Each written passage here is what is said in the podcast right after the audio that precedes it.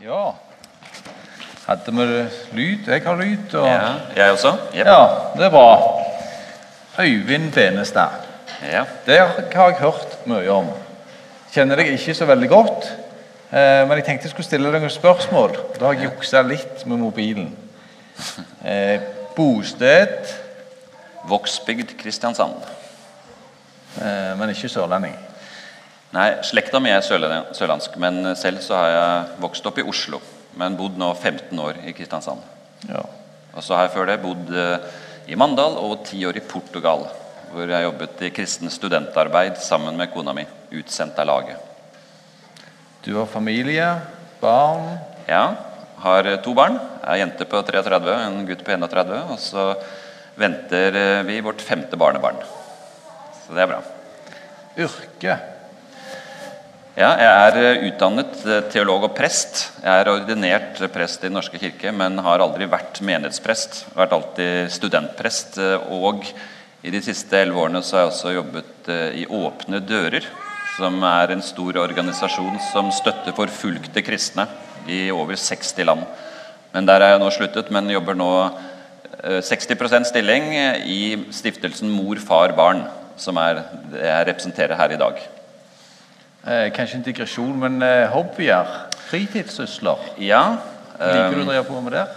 Jeg er en bokelsker, det må jeg si. Så jeg liker å lese. Men det beste er å ha med seg bok ut, enten det er i skogen på fjellet, eller aller helst ut i kajakk. Eh, For 45 år siden kjøpte jeg en kajakk, og den bruker jeg fortsatt.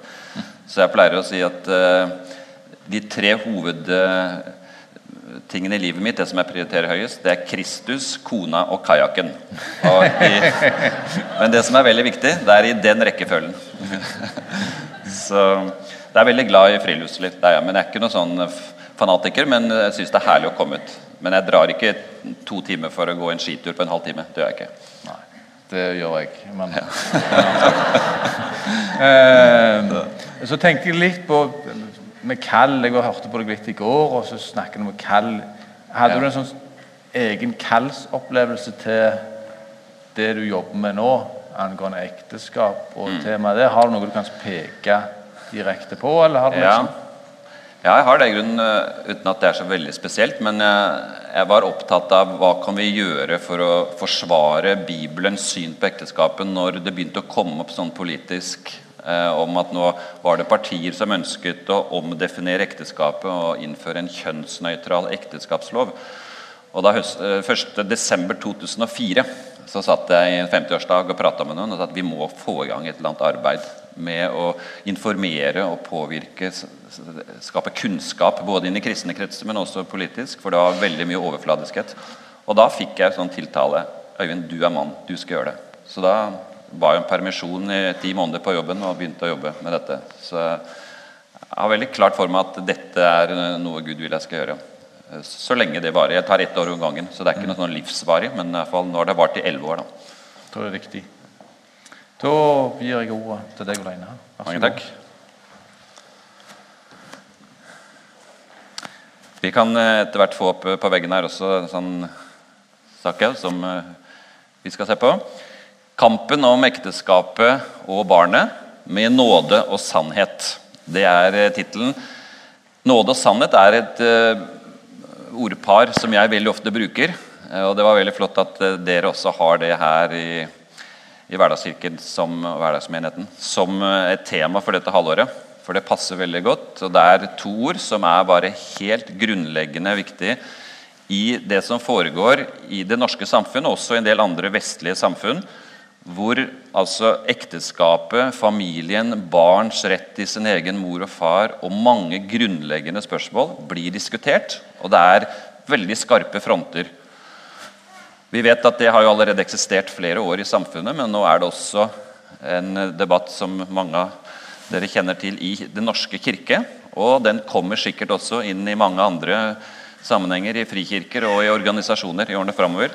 Og da er det veldig viktig å hele tiden holde de to ordene klart for seg. Vi må kjempe denne kampen, forsvare det vi tror på, med nåde og med sannhet. Begge deler er nødvendig. Og Denne kampen den eh, er så grunnleggende at den går på helt fundamentale ting i menneskelivet. Et eksempel her fra Morgenbladet for en tid tilbake om den nye familien var eh, hovedoppslaget med flere sider inni her. Det står eh, som tekst i bildet. Det er bilde av to menn her som bærer en baby hver. En filosof, en lærer. Inspirert av surrogatidebatten dro, dro de til India for å få barn.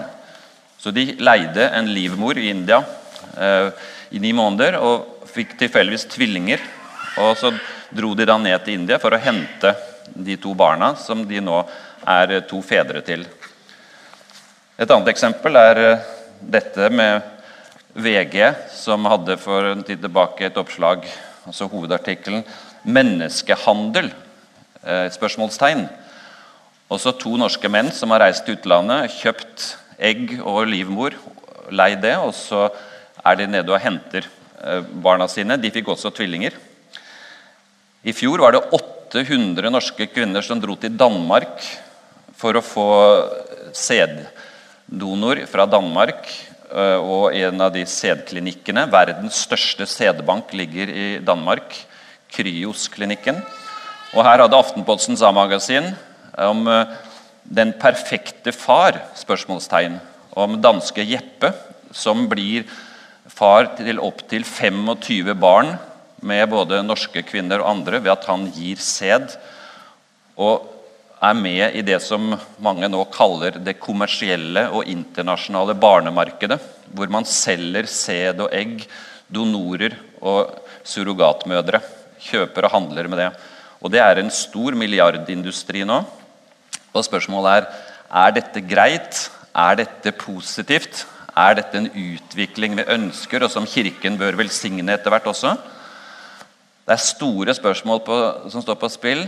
Er ekteskapet en skaperordning, eller er det bare en menneskelig oppfinnelse? Har barn egentlig rett til sin egen mor og far, eller spiller det ingen rolle om eh, det er noen andre som føder barn, om andre som oppdrar dem? For slekt og biologi spiller liten rolle, er det noen som påstår.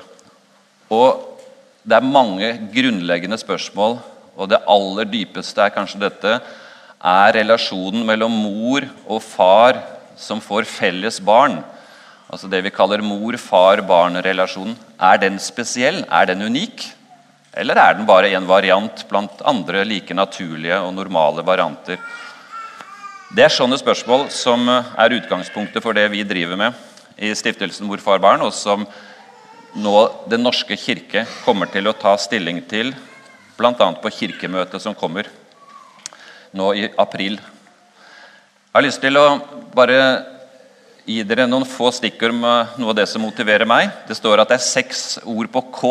Jeg skal bare gi dere tre nå, så kan de som har lyst til å vite de tre andre, spørre meg etterpå ved et lite bokbord som, ligger, som står ute her i, i salen. Vi skal ha kirkekaffe etterpå.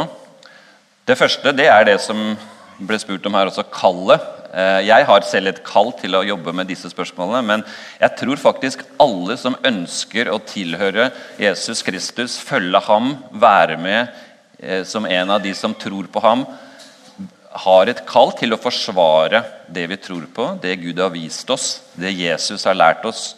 Og Det kallet er ikke bare for de spesielt interesserte, men det er noe som egentlig alle kristne har del i. Ikke det at alle skal bli offentlige og, stå med, og ha intervjuer og skrive artikler i avisen, men at vi er bevisste, at vi oppdrar våre barn og barnebarn, at vi vet hva vi tror på, og har litt kunnskap om hva det dreier seg om. Og så er det kraften som eh, alle kristne får når de tør å gå i tro, når de tar Jesus på ordet, også når det koster. Og er det noe som er veldig tydelig i denne kampen om samlivsetikken, om ekteskapet, om barnet her i Norge i dag, så er det at dette kommer til å koste stadig mer fordi vi blir anklaget. Alle dere som er enige med meg, det er sikkert folk her som er uenige, og det er helt i orden. Eh, vi skal komme til det at Jeg respekterer enhver mening her, men jeg selv forbeholder meg retten også til å stå for det jeg vil, uten å bli anklaget for intoleranse og fordømmelse og mørkemannstendenser og diverse. Og det er jo fordi vi har jeg mener i hvert fall at jeg har veldig gode grunner og velbegrunnet argumentasjon for at ekteskapet er mann og kvinne, og at barn har rett på sin egen mor og far. Men det er det veldig mange som er uenig i, og det er greit. Men Da må vi bare innstille oss på at dette trenger vi kraft til å stå i. Vi trenger Guds kraft, vi trenger hverandres hjelp og forbønn.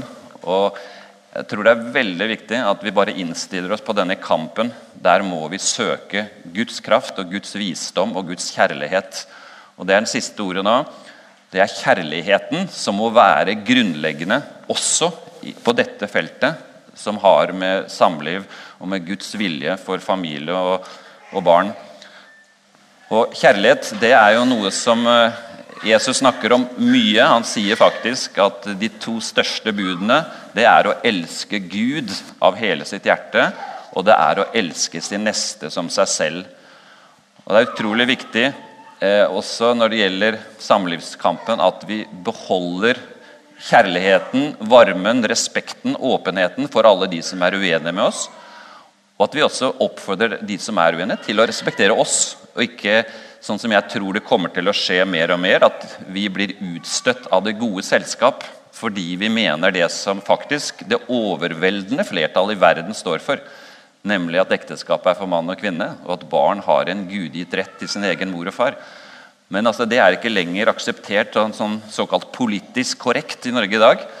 Så selv har jeg fått haugevis med hatmailer og når jeg skriver en artikkel på internett, som jeg har gjort noen ganger, f.eks. For, for et års tid siden på NRK Ytring skrev jeg to artikler sånne kronikker i debatt med Sturla Stålsett i Åpen folkekirke. og Da var det nærmere, ja, i hvert fall over 200 kommentarer på en artikkel jeg skrev. Og hvor det store flertallet var sånne avskymeldinger hos Benestad, som er en ja, en mørkemann av dimensjoner. og som Stakkars han, han skjønner ikke hva han snakker om. og for å kunne mene noe så forferdelig som at ekteskapet bare er for mann og kvinne osv. Så, videre. så her må vi bare vite at denne kampen skal vi kjempe med rene våpen. Vi må gjøre det med Jesu metode, og det er nettopp nåde og sannhet. Det er å møte mennesker med respekt og åpenhet, med varme, kjærlighet på alle de måter vi kan mobilisere med kraft fra Herren selv, men samtidig forsvare sannheten vi tror på. Det er på samme måte som med alle andre mennesker vi møter som vi kan være dypt uenige med. Muslimer, med mormonere, med humanetikere, med hvem som helst. Så kan vi være dypt uenige, men allikevel være venner med dem og vite at vi respekterer hverandre. Og Det samme mener jeg må være mulig også på dette feltet. Og Hvis jeg møter mennesker som eh, har homofile følelser eller bifile følelser eller polyamorøse følelser og lever helt annerledes enn det jeg mener er rett, så skal jeg allikevel møte dem på den måten Jesus gjorde, med nåde, men samtidig også med sannhet. Og Hvis du har venner eller kanskje noen i familien til og med, som har homofile følelser eller andre typer seksuelle tiltrekninger, så møt dem med masse kjærlighet. Og jeg sier til meg selv og andre også hvis vi har det nær på oss, så elsk dem bare enda mer. Og vis Jesu radikale kjærlighet. Han sier jo faktisk at vi skal elske våre fiender, be for dem som forfølger oss, velsigne dem som forbanner oss. Og Det er utrolig eh, dramatiske og radikale ord om hva kristen kjærlighet er.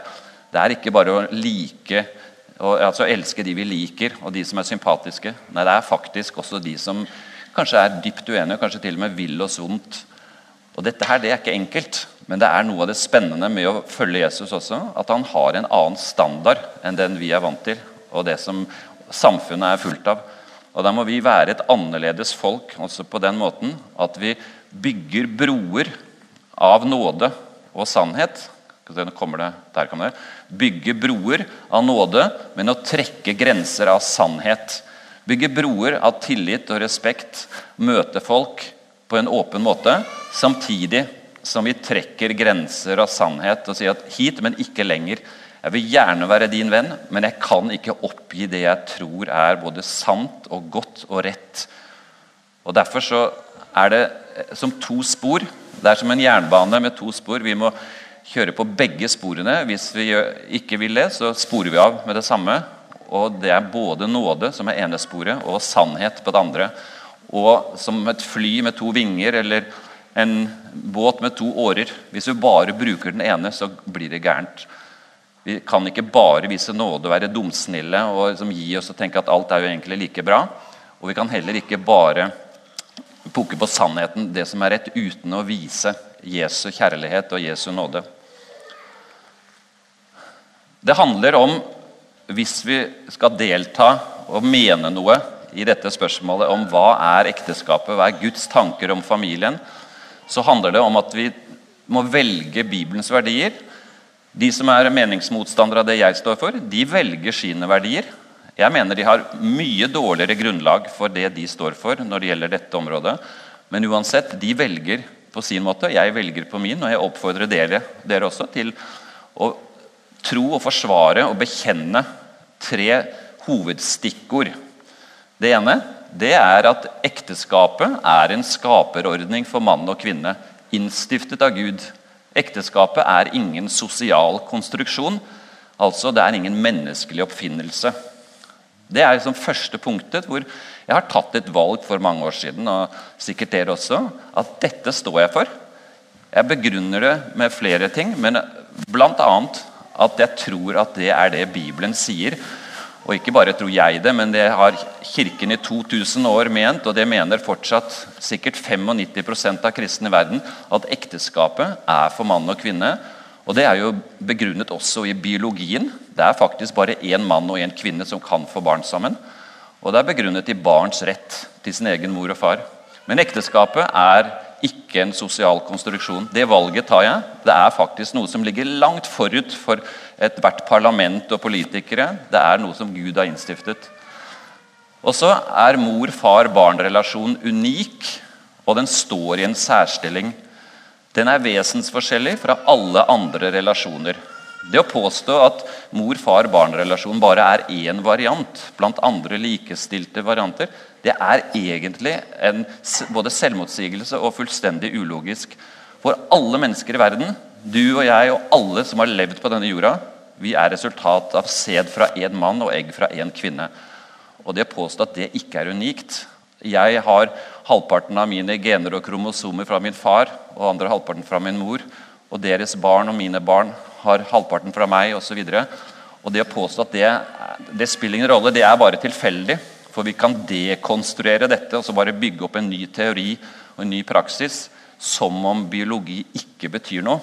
Det er utrolig spesielt, og det er et samfunnseksperiment av historiske dimensjoner som vi ikke vet resultatet av. Når altså disse som drar til Danmark og kjøper sæd og kunstig befruktning der, eller de drar til India eller til USA og skaffer seg barn med surrogati, si at Det er akkurat like bra, det er like etisk høyverdig å gjøre det sånn som naturmetoden, hvor barn er en gave mellom en mann og kvinne som elsker hverandre. Det å likestille dette, avvikle det som er normen og idealet, så bare si at alt er egentlig like bra. Det har ikke noe samfunn i verdenshistorien gjort før oss. Og hvis vi nå fortsetter denne veien, så vil resultatet og konsekvensene kunne bli ganske dramatiske i løpet av neste generasjonene. Og Det tredje punktet som vi må velge, det er dette med barnet og barneperspektivet. Barn har en gudgitt rett til sin egen mor og far. Ingen har rett til å frata dem denne retten. Verken mor eller far er overflødig. Barn er en gave, ikke en rettighet eller en handelsvare. Og Når jeg sier barn har en gudgitt rett til sin mor og far, så kan vi godt tilføye 'så langt det er mulig og forsvarlig'. Altså Det finnes jo unntak med foreldre som er, ja, som ikke fungerer, som, som, mishandler barna, eller som er alkoholikere. Eller som ja, Foreldrene er kanskje psykisk syke, døde. Altså det, er, det er unntak, men hovedregelen det er jo at barn har en guditt rett til sin egen mor og far. Og det står også faktisk i FNs barnekonvensjon. Så Dette er grunnleggende verdier som jeg så bygger min si, trosbekjennelse på dette feltet. Og kanskje mange av dere også kunne tenke dere å, å bygge deres trosbekjennelse og deres overbevisning på noe av det samme. Så jeg tar det for min del. Dette er et vitnesbyrd fra meg om hva jeg tror. Og så kan dere eh, ta til dere det dere synes virker bra. Og hvis dere er uenige med noe, så er jo det helt greit. Jeg er ikke her, her som noen sånn guddommelig autoritet. Jeg bare vitner om det jeg er kommet til, og som millioner eh, og millioner av mennesker, både kristne og andre, også står for. For dette er jo ikke noe kristent ståsted og kristen overbevisning. Også muslimer, buddhister, hinduer Også kineske, kinesiske kommunister tror jo på det samme, at ekteskapet er for mann og kvinne. Men jeg tror på Bibelens budskap om dette. Jeg tror at ekteskapet er Guds skaperordning for én mann og én kvinne, innstiftet av Gud og bekreftet av Kristus. Dette er jo det, repetisjonen av det jeg sa i sted, men det er bare så utrolig viktig å få det inn under huden. Og det er det faktisk Bibelen snakker om helt gjennomgående fra første til siste side. På første side av Bibelen, i første kapittel, så står det disse kjente versene fra skapelsesberetningen. Gud skapte mennesket i sitt bilde. I Guds bilde skapte han det. Til mann og kvinne skapte han dem. Gud velsignet dem og sa til dem, vær fruktbare og bli mange. Fyll jorden og legg den under dere. Og i kapittelet etterpå Derfor skal mannen forlate sin far og sin mor og holde seg til sin hustru, og de to skal være ett.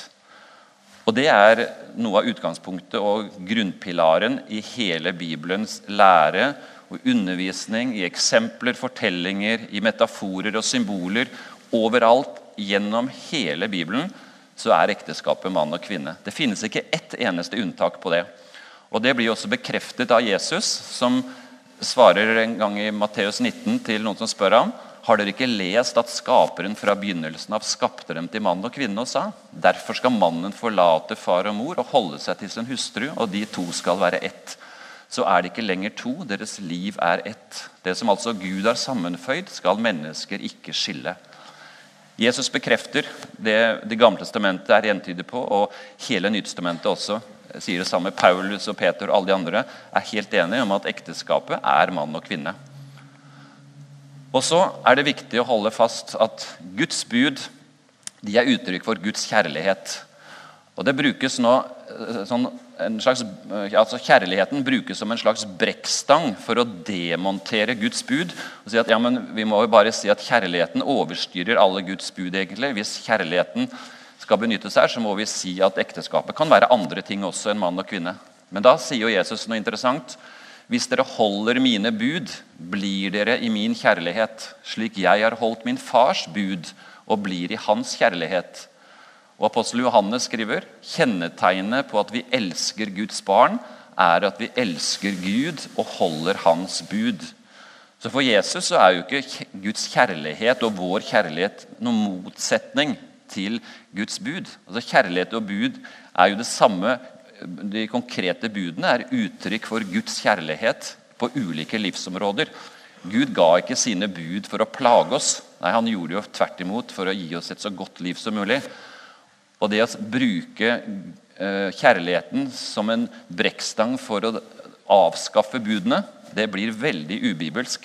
Og har ikke verken Jesus eller Bibelens eh, undervisning på sin side.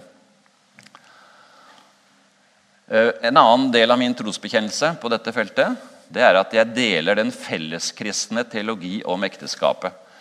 Gjennom kirkens historie har ekteskapet hatt forskjellige former og særpreg. Men det er én faktor som har vært konstant fra Jesu tid, nemlig at ekteskapet er blitt definert som et samliv mellom én mann og én kvinne. Det finnes ikke noe kirkesamfunn, verken i historien eller i nåtiden før de siste få årene, som har definert ekteskapet som noe annet enn mann og kvinne. I dag også så tilhører 98% av verdens kristne de tilhører kirkesamfunn som fastholder at ekteskapet er mann og kvinne. Det er bare 2% av de kristne i verden i dag som tilhører kirkesamfunn som har omdefinert ekteskapet. Og sånn som Den norske kirke nå sannsynligvis kommer til å gjøre eh, i april, og så få det bekreftet med noen nye liturgier, eller iallfall én ny liturgi eh, og en ny lære da, fra neste år. Det ser sånn ut menneskelig talt, og hvis det ikke går gjennom, så er det et historisk Guds under. For det er et stort flertall nå i Kirkemøtet etter at det ble mobilisert i høst ved kirkevalget, hvor det altså ser ut til at ikke bare ser ut til, men det, er, det ligger i løypa at vi får en helt ny ekteskapsteologi i Kirken. Og Det vil føre til store endringer eh, på mange plan i Den norske kirke. Og Det kommer vi litt tilbake til. Og Punkt tre i trosbekjennelsen min det er at Jesus Kristus er mitt forbilde og min autoritet. Han er mitt forbilde når det gjelder hvordan jeg skal møte mennesker. Og jeg, som alle kristne, er kalt til å møte alle mennesker med nestekjærlighet og respekt. Og med Guds sannhet. Det er sånn som eh, den veldig kjente fortellingen om den kvinnen som ble grepet i hor, og som fariseerne førte framfor Jesus og sa 'Hva skal vi gjøre med henne?' Det, det, var, det står i Moseloven sa de, at eh, kvinner og menn også som begår utroskap, de skal faktisk steines. Det var ikke vanlig, og det hadde ikke vært praktisert i århundrer, men det var i hvert fall noe som viste alvoret. At det er dypt alvorlig å bryte ekteskapet og drive med hor. Og så sier Jesus til slutt, 'Heller ikke jeg fordømmer deg, kvinne.' Han møtte henne med nåde, men samtidig 'gå bort og synd ikke mer fra nå av'. Han kaller oss med nåde, han kaller oss til å følge seg uansett hvem vi er og hvordan vi er, men han kaller oss også til å bli forvandlet, til å følge Guds bud, til å leve på hans måte og følge, hans, eh, ja, følge som hans disipler. Og Det har både med nåde og sannhet å gjøre.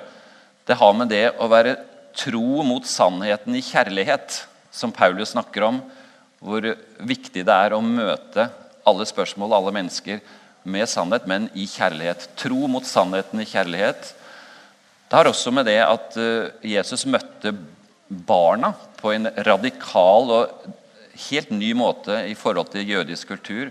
At han stilte barna i sentrum og sa at de er forbilder for dere.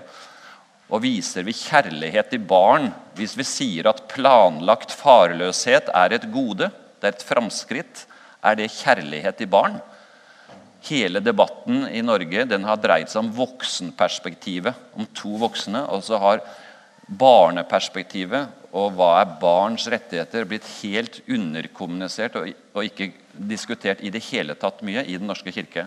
Og Det er ganske dramatisk at Den norske kirke nå sannsynligvis vedtar en helt ny teologi om ekteskap uten å ha debattert ja, men hva med barna.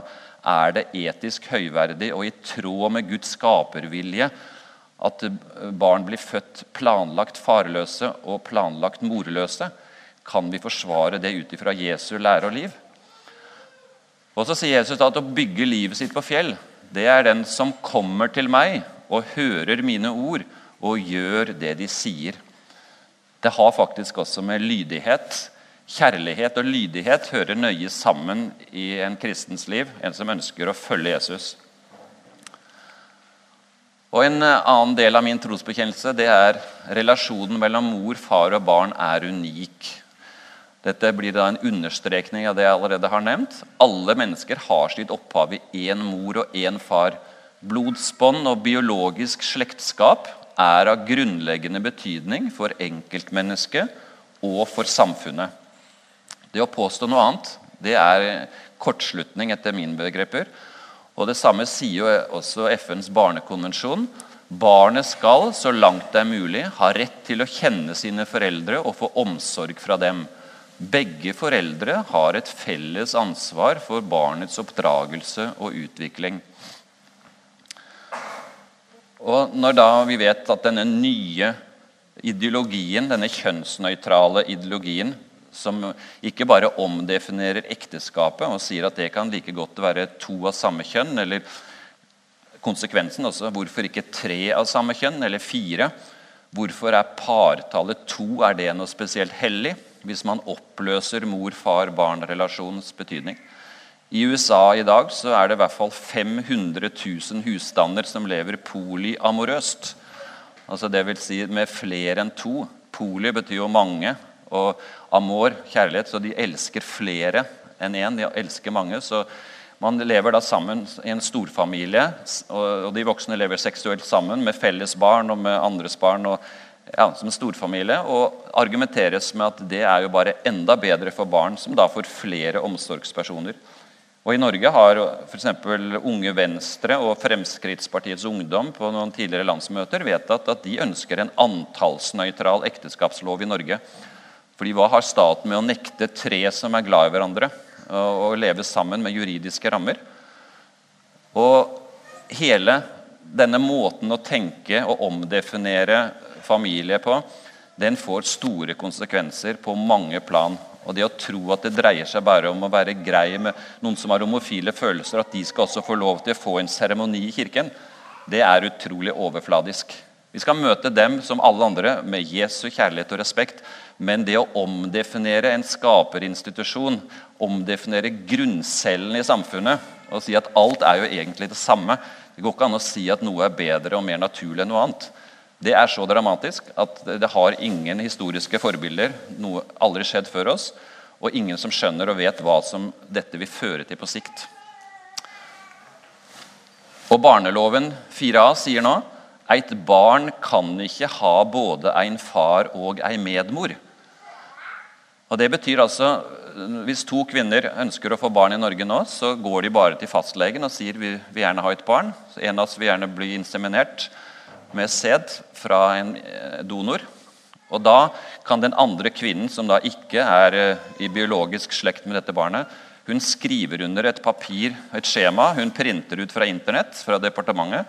Og så har hun da erklært at 'jeg ønsker å være medmor til dette barnet'. Og Da går hun inn i fars sted for all framtid. Det barnet blir livsarving til den kvinnen. Og om de skulle skille lag, og det er ikke usannsynlig, for det er mye større frekvens av å skille lag blant likekjønnede par enn det er blant mann- og kvinnepar. Og Da vil det barnet likevel være hennes ansvar resten av livet. Og det barnet kan, eie, kan arve slektsgården enda barnet ikke er i slekt i det hele tatt med den kvinnen. Fordi den, det barnet har ingen far, sier loven. Det, den mannen er ute av bildet for all framtid. Men det barnet kan få vite hvem den mannen er, og hvilket land den mannen kommer fra. Eh, når barnet er blitt voksent da kan det henvende seg til Statens donorregister og få vite navnet på den mannen. I Norge så er det lov å, å ha, være donorfar til seks barn foreløpig. I Danmark, som han Jeppe som jeg viste han, eh, Som 800 kvinner dro til altså ikke til han bare, men til lignende menn i Danmark. De kan bli far til 25 barn. og Hvorav de aller fleste er anonyme sæddonorer. Så barnet kan aldri få vite hvem den mannen er. Så de vil leve helt farløs og ikke ha peiling på hvem faren deres er, for resten av livet.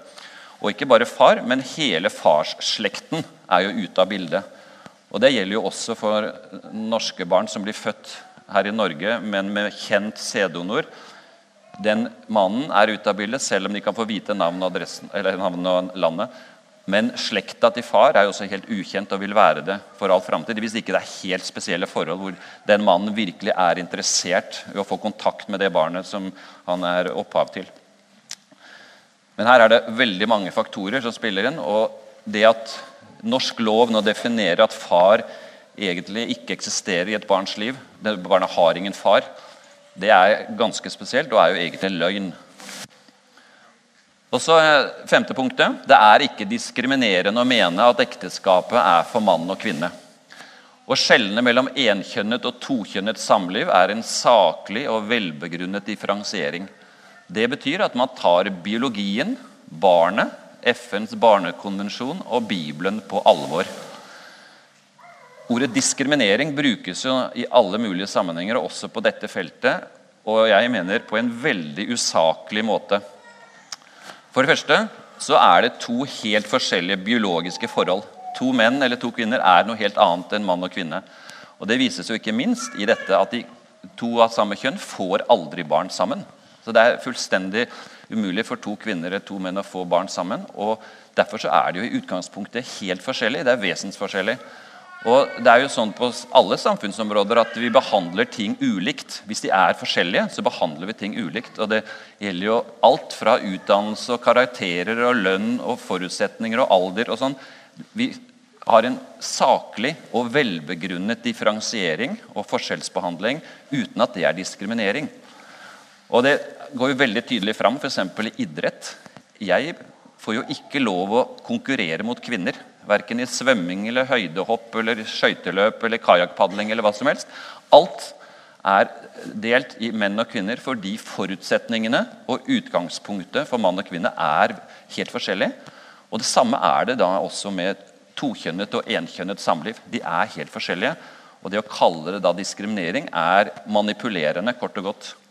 Og så er det interessant at Den europeiske menneskerettsdomstol i Strasbourg ved tre anledninger de siste årene har erklært at det er ikke diskriminerende, det er ikke brudd på noen menneskerettigheter eller menneskerettskonvensjoner for en stat å definere ekteskapet som et samliv mellom mann og kvinne. Og selvfølgelig da heller ikke for kirker og andre å definere det som mann og kvinne.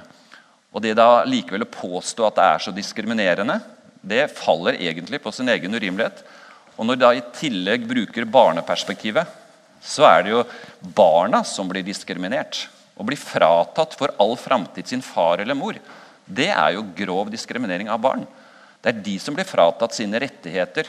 Det er de som blir fratatt den likestillingen som man snakker om. Så hvis du vender disse innvendingene som mange kommer med, og de, motstanden og anklagen mot oss, vender det ut ifra barneperspektivet og speilvender det spørsmålet og ser at ja, det er jo barna som betaler prisen her. Det er jo ikke voksne som har noe rett til å få barn, eller voksne som har, blir diskriminert. Nei, det er jo faktisk barna som blir det. Og så er det sjette punktet. Konsekvensene av den kjønnsnøytrale ideologien kan bli dramatiske. Mange mener at det er et framskritt å omdefinere ekteskapet i sin grunnstruktur. Etter all sannsynlighet vil det sikt, vil det på sikt skade samfunnet, kirken og enkeltmennesker. Men det er en ideologi her som overstyrer veldig mye annet, som baserer seg både på følelser og på slagord, og på en veldig overfladisk måte å tenke på. Og jeg syns det er ganske illustrerende at uh, da det, disse lovene i Stortinget ble vedtatt, som er forutsetningen for det som skjer nå også i Kirken og i samfunnet, da, kirken, nei, da, Stortinget i 2008 vedtok at ekteskap ikke lenger er for mann og kvinne, det er også for eh, to av samme kjønn. Da det ble vedtatt, så var SV og Arbeiderpartiet og Venstre som hadde kjempet mest for dette. De var jo veldig glade. Og SVs stortingsrepresentanter sendte ut et brev til alle sine medlemmer uka etter at dette ble vedtatt, og feiret det. Og så hadde de da et brev hvor de gratulerte partiet og, og, saken, at nå hadde de vunnet. Og så kalte de dette brevet 'Ut av middelalderen'. Det å omforme ekteskapet og omdefinere det radikalt, det var nå en stor seier, for nå har vi endelig blitt moderne mennesker. Nå er vi ut av middelalderen. Og indirekte, da, alle vi som fortsatt mener at ekteskapet er for mann og kvinne, vi er altså fortsatt i middelalderen når det gjelder samlivsteologi og forståelse. Og det sier litt om at veldig mange mennesker altså Det gjelder ikke bare folk i SV, det gjelder de fleste partier nå. Mange der mener faktisk at det er middelaldersk, det er helt gammeldags å tro at ekteskapet bare er for mann og kvinne. Og Da må vi bare venne oss til tanken om at sånne både anklager, men også etter hvert skjellsord og masse forskjellige ting vi får på oss av motstand, det der må vi velge. Vil jeg stå for det? Vil jeg kjempe for det? Vil jeg lide for det? For Jesus skyld, for barnets skyld, for familien, for skaperordningens skyld, for min kjærlighet til Guds ord, fordi jeg har Jesus som autoritet i livet mitt. Er jeg villig til å betale prisen, eller kommer jeg til å tilpasse meg? Eller kanskje mene det i hjertet, men bare være taus fordi det er litt for ubehagelig å si det høyt. Her er det mange viktige valg hver enkelt av oss må ta i årene framover. Og da må vi hele tiden ha de to stikkordene i bakhodet nåde og sannhet. Nåde og sannhet. Å gjøre det, kjempe den kampen og stå for det vi gjør, på en måte som ligner mest mulig på den måten Jesus eh, handlet på. Og vi vil som en konsekvens få dette som jeg allerede har beskrevet på litt ulike måter, det jeg kaller samlivsanarkiet.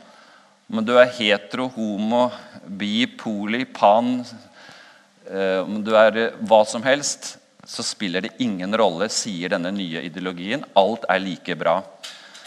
Det er jo veldig interessant at eh, Facebook har nå et sånn forsøk i USA hvor de ber alle nye brukere ikke lenger krysse av på mann og kvinne når de skal registrere seg, men de kan krysse av på de alternativene som passer best for dem, blant 56 forskjellige kjønnsidentiteter og kjønnsuttrykk. 56 forskjellige. Og det å sånn, tro at Vi snakker egentlig bare om homofili, to av samme kjønn som, som ønsker å leve sammen. Det er ganske smalsporete og overfladisk. Det er et mye større felt vi snakker om. Det er en dekonstruksjon av hele familieinstitusjonen hvor resultatet i forhold til barn og ungdom kan bli veldig dramatiske. Og de er det allerede hos noen. fordi også nå i norsk barnehage så blir dette dosert at mamma, mamma, pappa, pappa. Eller om noen har tre mammaer eller tre pappaer. Og noen har jo faktisk nå tre foreldre. fordi det er også to av samme kjønn som har fått hjelp av en altså To menn for eksempel, har fått hjelp av en kvinne til å få barn, og så er den kvinnen en de kjenner. Så de som har allerede begynt med litt sånn fellesopplegg og da er det tre foreldre. Men alt er like bra. Og hvis et barn på fire-fem år sier det til læreren at de er ikke enige Jeg har lært hjemme at, at eh, barn skal ha mamma og pappa. Og da må bare barnehagelæreren si nei, men det er ikke sant. Det er ikke sånn i Norge lenger nå. Det må du ikke si høyt, for det er stygt. Da er du slem hvis du sier at mamma og pappa er best. For da er du slem mot de som har to mammaer eller to mammaer og en pappa. Så her blir det innført allerede på våre egne barn og barnebarn i barnehagen, i lærebøker, i undervisning en sånn samlivsanarkistisk ideologi som vil prege veldig mange av våre egne barn og barnebarn og hele den norske barnebefolkningen. Og hvor altså det sies eh, på alle mulige måter at alt er åpent. Du må finne ut selv om du er hetero eller homo eller bi eller poli eller pan eller hva du er. Det er det ingen som kan fortelle deg. Det må du finne ut selv. Du må eksperimentere med ulike seksuelle uttrykk. Du må gjøre det som er nødvendig for å finne ut hva du trives best med, hva du passer til. Og hva det vil føre til av skjebner i ungdomsalderen, hvor det er så mye usikkerhet i utgangspunktet. Og så I tillegg så får de oppfordringer fra hele skoleverket og ungdomskulturen til å bare eksperimentere og utforske. Det vil i hvert fall ikke tror jeg, føre til et mer stabilt samfunn, til bedre relasjoner, og at disse barna og ungdommene på sikt får stabile familier. Tvert imot så tror jeg det vil skape masse nye problemer. Og så står hele samvittighetsfriheten på spill også, fordi alle vi, de av dere som er enige med meg, og alle de i Norge og i og for seg i verden som mener disse tingene som jeg står for, vi vil få et problem, og har det allerede i mange sammenhenger, fordi det blir sett på som så veldig ukjærlig og intolerant og fordømmende å stå for dette at ekteskap er mann og kvinne. Det kan gå både på oss personlig, det kan gå på yrkesforbud mot lærere som ikke kan for sin samvittighet undervise at ekteskapet ikke er mann og kvinne, eller at barn ikke har rett på sin egen mor og far. Det kan gå på institusjoner, barnehager som drives av kristne, eh, på eksamensrett, statsstøtte. Så Her er det mange skjær i sjøen framover. Jeg vet ikke hvordan det vil utvikle seg, men tendensene og signalene er veldig tydelige på at her kan det koste ganske mye i anseelse og i rettigheter for de av oss som vil stå for dette. Og Da er spørsmålet også hvor viktig er dette for oss? Vil vi kjempe for det og lide for det, eller vil vi tilpasse oss? Og så vil det føre til kirkesplittelser i alle mulige sammenhenger og organisasjonssplittelser. Fordi dette er så grunnleggende ting at her mener begge to at vi kan ikke oppgi det vi står for. og Dermed så vil det etter all sannsynlighet bli mange splittelser i årene framover. Det å tro noe annet tror jeg er ganske naivt. For begge parter mener at den andre står for vranglære. Alvorlig brudd på Guds vilje. Og da er eh, spørsmålet vårt Guds folk i Norge, alle de som ønsker å følge Jesus i Norge, hvor går vi? Vil vi være en profetisk røst, et annerledes folk med en annen konge? Eller vil vi være politisk relevante og anerkjente? Vil vi være politisk korrekte og være med i det gode selskap? Hva skal telle mest? Bibelen, barnet og Guds skaperordninger eller samtidens ideologier? Sier vi 'så sier Herren', eller tilpasser vi oss og sier 'så sier Stortinget, folkemeningen og tidsånden'? Dette er eh, viktige spørsmål som hver enkelt av oss og også som fellesskap må snakke om og tenke gjennom og bevisstgjøre oss på. Og Som en konklusjon, det siste bildet jeg har, så er det en slags oppsummering. Og Hvis dere ikke husker noe annet eh, fra denne, denne talen min, så er det disse tre stikkordene som jeg synes er helt grunnleggende, og som gir veldig gode knagger å henge hele sin tenkning og argumentasjon på. Det ene det er biologien. Det er kun en mann og en kvinne som kan få barn sammen. Det andre det er barnet. Det er en menneskerett for barn å kjenne sine foreldre og få omsorg fra dem. Og så er det Bibelen. Ekteskapet er en av Guds grunnleggende skaperordninger og er per definisjon et samliv mellom mann og kvinne. Hvis du husker de tre stikkordene biologien, barn og Bibelen, så er du allerede kommet langt i å begynne å ta til deg og stå for noe som eh, du vet har god dekning, som det er gode begrunnelser for, og som faktisk det store flertallet av kristne, overveldende flertallet av kristne står for i verdenssammenheng. Som en eh, hilsen fra meg til dere alle sammen skal dere nå få to ark. Så hvis jeg kunne få delt ut eh, de to arkene, så skal jeg bare fortelle litt eh, underveis når de blir delt ut, hva de inneholder. Og hvis noen vil ha litt flere ressurser eh, som ligner på det dere nå får, så er det flere ting der på bokbordet.